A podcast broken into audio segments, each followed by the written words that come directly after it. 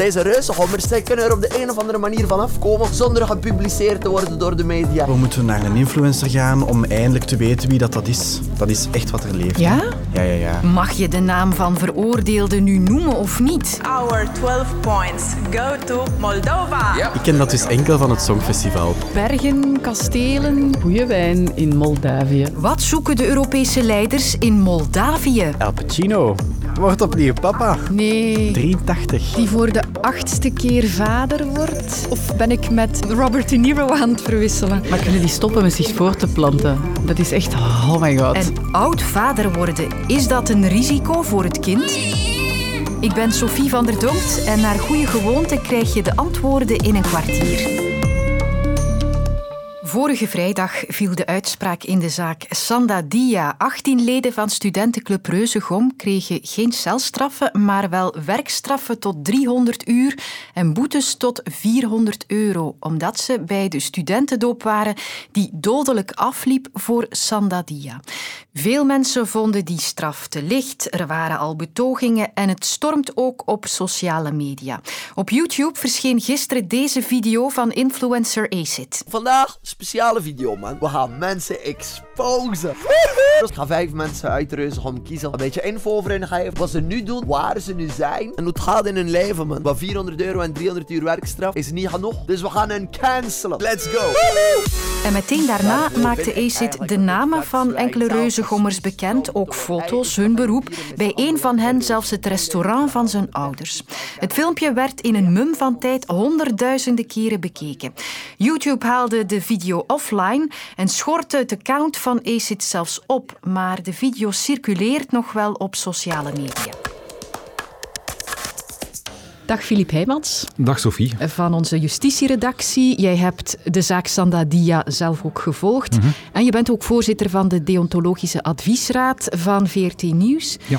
Ja, Acid haalde expliciet uit naar de VRT ook. Ik ga je even laten horen hoe hij dat verwoordde. Niemand post en gezegd, VRT had iets gezegd in de trend van het hoeft niet meer. Het is niet meer relevant. Onze journalisten vinden het niet nodig. Jullie zijn pussies. Ja, Filip. Zeg eens, wat moeten we antwoorden? Dat wij heel vaak poesies zijn, denk ik. Als je naar de justitiepagina's van VRT Nieuws gaat kijken, dat hebben we daarnet nog eens gedaan, dan zie je dat er heel zelden namen worden genoemd. En dat is ook een beetje volgens de journalistieke regels.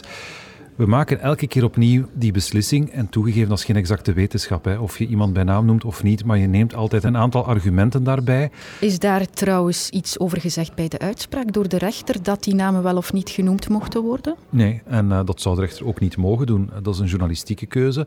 Je hebt persvrijheid in ons land, dus wij hebben de vrijheid om dat te doen. Alleen hebben wij als journalisten gezegd van we gaan onszelf wel een aantal regels opleggen, omdat wij vinden dat we een bepaald soort journalistiek doen en we gaan ons aan die regels houden. Concreet in dit geval, wat was hier de afweging in de zaak Sandadia? We hebben, zolang het onderzoek nog liep, zolang er geen uitspraak was, hebben die namen niet genoemd, omdat een van de regels van de code van de Raad voor Journalistiek, dat is een code die voor alle journalisten in Vlaanderen geldt.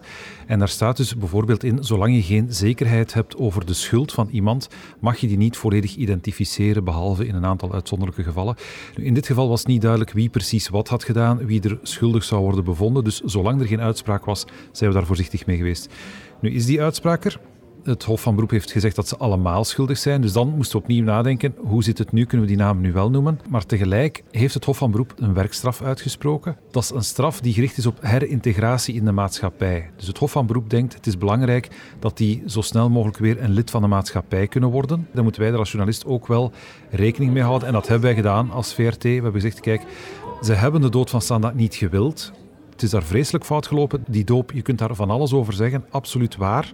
Maar er is niemand die Sanda dood heeft gewild. Het was een ongeluk omdat ze gruwelijk onvoorzichtig zijn geweest. Um, een van de reacties, Filip, die we hier uh, ook uh, gekregen hebben, is waarom zou de maatschappij niet het recht hebben om te weten wie die sujetten zijn? Je moet altijd de privacy van de mensen afwegen tegen het belang van die informatie. Dus is het voor het publiek belangrijk dat ze die namen kennen of niet? Er is een groot deel van het publiek dat dat blijkbaar belangrijk vindt. Dat is waar. Als je kijkt naar Amerika bijvoorbeeld, daar gaan ze ervan uit, iedereen heeft het recht om te weten wie er veroordeeld is. Je mag weten of er een inbreker naast jou komt wonen. Wij in Europa staan veel meer op de privacy van de mensen en hier bestaat die gewoonte niet om voor alles en iedereen zomaar te zeggen van die is veroordeeld. Wij zijn daar veel terughoudender in. Dat is een maatschappelijke keuze. En ik zie dat alle Vlaamse media eigenlijk op die lijn zitten van kijk, je staat daar met daders die verder moeten met hun leven die intussen al geshamed zijn op sociale media en daar ook al veel gevolgen van gedragen hebben. Dus wij gaan daar niet verder aan meedoen. Ja, wij zijn journalisten. Acid is een influencer, een YouTuber. Heeft hij wel de vrijheid om dat te doen? Nee, in die zin dat uh, hij wel vervolgd zou kunnen worden door die reuzengommers die zouden kunnen zeggen wij vinden dit een vorm van belaging. Uh, we vinden dat we hier schade doorleiden, dus we eisen een schadevergoeding. Dat kunnen ze proberen. Of ze gelijk gaan krijgen, kan ik natuurlijk niet voorspellen. Uh, mogelijk zouden ze zelfs kunnen redeneren, het is misschien een beetje vergaand, maar dat ACID ook een vorm van journalistiek beoefent. En dat hij zich dus ook aan de journalistieke regels moet houden. Dat is dan iets waar de Raad voor Journalistiek zich later misschien over moet uitspreken. Maar hij zal het waarschijnlijk wel anders zien. Maar bij deze is het duidelijk waarom wij bij VRT Nieuws dus geen namen noemen. Dankjewel, Filip. The more you know. Tussen Roemenië en Oekraïne ligt een klein landje gekneld, maar ietsje groter dan België. En dat is het nogal onbekende en onbeminde Moldavië. Het is nu wel de uitverkoren plek voor 45 Europese leiders om samen te komen in een kasteel voor de tweede top van de Europese politieke gemeenschap. De wat? Gelukkig stuurden wij Jeroen Rijgaard mee. Dag Jeroen. Hey Sophie. Um, Moldavië stond dat nog op jouw uh, bucketlist? Ja, absoluut. Ja, het had er nog lang kunnen opstaan ook, denk ik. Had er geen top geweest. Heb jij daar wat kunnen sightseeën? Hoe ziet dat land eruit? Uh, veel sightseeing hebben we niet kunnen doen, omdat we, ja, we zijn samengereisd met de premier. Trouwens, het was carpooling, uh, zowel met uh, onze premier als premier Bettel van Luxemburg, mm. als met Europees president Michel. Dus met één groep vanuit Brussel. dat land bestaat uit hele lange rechte wegen, eh, nog aangelegd in de Sovjet-tijd. Die hoofdstad Chisinau bestaat ook uit zo'n één heel lange boulevard. En dan eh, reden we ja, door een soort heuvelachtig gebied eh, waar we nog veel dorpjes ook wel passeerden waar eh, nog geen verharde wegen waren. Ik las dat het uh, het armste land van Europa zou mhm. zijn. Ja, dat klopt en dat zie je wel. Hè. Al hebben ze wel een best gedaan om het voor deze top ook wel wat rijker en beter te doen aanzien. Hier in het dorpje bijvoorbeeld, waar het kasteel ligt, zijn alle wegen de voorbije weken opnieuw geasfalteerd. Zodat de 47 staats- en regeringsleiders een nieuwe asfaltweg kregen tot aan het eh, mooi gerenoveerde kasteel waar we hier nu zitten. Ja, je zei het al, hè? Moldavië is een Sovjetrepubliek geweest, dus dan kan de Russische invloedssfeer niet ver weg zijn, maar er wordt wel een pro-Europese koers gevaren, toch? Je kan het eigenlijk gaan vergelijken met Oekraïne een jaar A9, A10 geleden. Eh, je hebt hier een zeer pro-Europese regering. Die wil zo snel mogelijk lid worden van de Europese Unie, wil zo snel mogelijk in alle Europese instellingen samen met het grote buurland Oekraïne. Een paar weken geleden, om maar een voorbeeld te geven, kwamen ze hier met tienduizenden op straat om te betogen voor Europa. Dus er is een enorme Europese gezindheid enerzijds, maar anderzijds ja, heb je hier inderdaad nog Rusland dat probeert meer en meer invloed in dit land te krijgen, die dit land soms ook wel probeert te ontwrichten. Zo hadden we in februari bijvoorbeeld eh, berichten van de veiligheidsdiensten hier en de Oekraïnse, dat moet ik er wel even bij zeggen, dat dat de bron was, eh, dat Rusland hier een staatsgreep zou plegen om bijvoorbeeld een pro-Russisch regime in plaats van een pro-Europese regering eh, aan de macht te krijgen. Ja, en de naam Transnistrië zeg je misschien ook wel iets. Dat is het stukje hier, het noordelijk deel van Moldavië, dat grenst aan Oekraïne dat al decennia geleden zichzelf als een soort autonome republiek uitgeroepen heeft. Ja, en die zijn Russisch gezind. Daar zijn Russische soldaten bijvoorbeeld aan bezig om die zogezegde autonomie van Transnistrië uh, ja, te kunnen bewaren. Dus het is een land op een breukvlak dat ergens heel Europees wil zijn, maar wat Rusland niet wil losgeven. Zeer vergelijkbaar eigenlijk met de situatie in Oekraïne. Dat brengt ons bij die bijeenkomst van nu waar jij bent, de Europese politieke gemeenschap, niet te verwarren met de Europese Unie. Waarom in godsnaam, Jeroen, hebben we nog een andere Europese club nodig? Ja, we hebben allerlei eh, Europese clubs. Hè. We waren vanmorgen aan het denken, als je ze allemaal opsomt, het zou een hele moeilijke examenvraag kunnen zijn. Maar waarom hebben we dit nodig? Wel, het is een idee van de Franse president Macron geweest, vlak na de Russische inval in Oekraïne, om dit op te richten.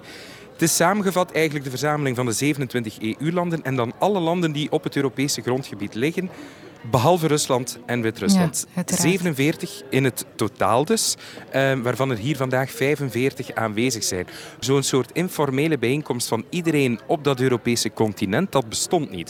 Het belangrijkste is dat hier gewoon ehm, ja, 45 staatshoofden en regeringsleiders samenzitten, die allemaal met elkaar kunnen praten, die allemaal op dezelfde locatie zitten. En dan gebeuren natuurlijk wel zaken die veel interessanter zijn dan die officiële agenda. Eigenlijk moet je zeggen, het, het grootste netwerkevent van het Europese continent, waar een kleine agenda is, waar er niets moet, waar er geen eh, slotconclusies zijn, maar waar er wel heel veel kan. Zo moet je dat eigenlijk zien. Misschien met een glaasje Moldavische wijn erbij, want die zou heel lekker smaken, Jeroen. Die is subliem eh, lekker, absoluut. Eh, gisteravond hebben we die hier ook kunnen eh, proeven. Die is niet duur en van een heel goede kwaliteit. Het is ook een van de uithangborden, de exportproducten van dit land. Oké, dankjewel, Jeroen. Niet te veel, hè? Filmlegendes zijn het, Al Pacino en Robert De Niro. En ze speelden nog samen in het tweede deel van The Godfather en in The Irishman. Fuck it, let's go. Ah, Jimmy, Jimmy, Jimmy, give, give it a chance. Give it a chance. Give it a few more minutes. You don't keep a man waiting. I know. The only time you do is when? When you want to say something. When you want to say fuck you. Maar de twee krasse knarren hebben meer dan een indrukwekkende acteercarrière met elkaar gemeen. De Niro is onlangs op zijn 79ste vader geworden voor de zevende keer. I respect what he's done. En zijn collega Al Pacino steekt hem binnenkort de loef af. Hij verwacht op zijn 83ste nog een vierde kind. Just when I thought I was out, they pulled me back in. Voor hen lukt het dus nog op die leeftijd, maar brengt dat geen risico's met zich mee voor het kind? Sorry, ik dacht dat jij mij ging contacteren, maar ik moest blijkbaar op het knopje zelf duwen. Ik leg het voor aan professor Herman Tournay van het Vruchtbaarheidscentrum in het UZ Brussel. Enerzijds is er duidelijk bewezen een hoog risico op bepaalde zeldzame monogene erfelijke aandoeningen. Dan spreken we bijvoorbeeld over dwerggroei. Dat is een voorbeeld. Er zijn er andere. Maar dan moet je weten dat dat risico volgens sommige studies drie tot vijf keer hoger wordt. Maar dat zijn zaken die 1 op 20.000 maar voorkomen. Dus zelfs een gestegen risico dat drie keer hoger wordt, dat blijft toch een zeldzaamheid. En eigenlijk kan je zeggen dat is niet direct een reden om aan een man die 50 plus is te zeggen: je, je, je mag geen vader meer worden, want dat gaat toch over zeer zeldzame zaken. Wat wel toch duidelijk aan de hand is, is dat dat toch ook leidt tot andere zaken die dan meer in de neurocognitieve sfeer zitten. En dan hebben we het over gestegen risico's op kinderen met autisme, schizofrenie en andere mentale aandoeningen die dus op soms latere leeftijd pas zullen optreden. En dat is dan toch wel een beetje iets dat meer misschien in acht moet genomen worden. Schrijver Herman Brusselmans is op zijn 65ste voor de eerste keer vader geworden. Als het op de natuurlijke manier lukt, dan lijkt er voor mannen geen grens te zijn om vader te worden. Maar tot welke leeftijd wil de wetenschap helpen? Zolang dat je onder de 50 bent, maken wij ons helemaal geen zorgen. Vanaf het moment dat je boven de 50 bent, dus tussen de 50 en de 70 eigenlijk, dan gaan we toch een evaluatie doen. Een evaluatie wil zeggen dat we kijken in hoeverre is de man in kwestie ja, medisch fit genoeg. Op die leeftijd gaat hij nog wel eh, voetbal kunnen spelen met zijn kinderen. Enfin, vaderschap is toch voor een deel ook ouderschap. Je moet toch een rol opnemen. Wat is zijn levensverwachting? Gaat het hier over een project waar goed over nagedacht is? Want je moet toch rekening houden dat zo'n man misschien niet meer zijn kind zal zien opgroeien, misschien tot 20 jaar, misschien tot 18 jaar. Is dat allemaal goed doorgepraat met zijn meestal jongere partner? Is er ook een, een soort netwerk dat als ja, de dame in kwestie alleen komt te staan, uh, lukt dat? En zo'n zaken gaan wij wel doen. En vanaf 70 jaar, dan gaan we eigenlijk niet verder in op die vraag. Dat is een paar keer op een jaar dat je een keer moet zeggen, hier moet een evaluatie gebeuren, maar dat is dus eerder uitzonderlijk. Nu, je moet ook weten, er is geen enkele wettelijke grens hè, voor vrouwen wel. Als je één keer 47 bent, mogen wij je niet meer verder helpen. Maar voor mannen die in een fertiliteitstraject komen, is er wettelijk in België geen enkele grens. En nergens in de wereld, bij mij weten, is er ergens een wet die een leeftijd bij mannen uh, bepaalt. Hoor. Dit was de 177ste worp van het kwartier. En Lode zit nog niet in de risicogroep, dus hij doet er morgen gewoon eentje bij. Stel dat je de gsm van een BV in handen krijgt, met toestemming om eens door alle apps te gaan kijken. Sander Gielis maakt zijn droom waar in Sandermans Zaken. Een nieuwe podcast, nu in de app van VRT Max.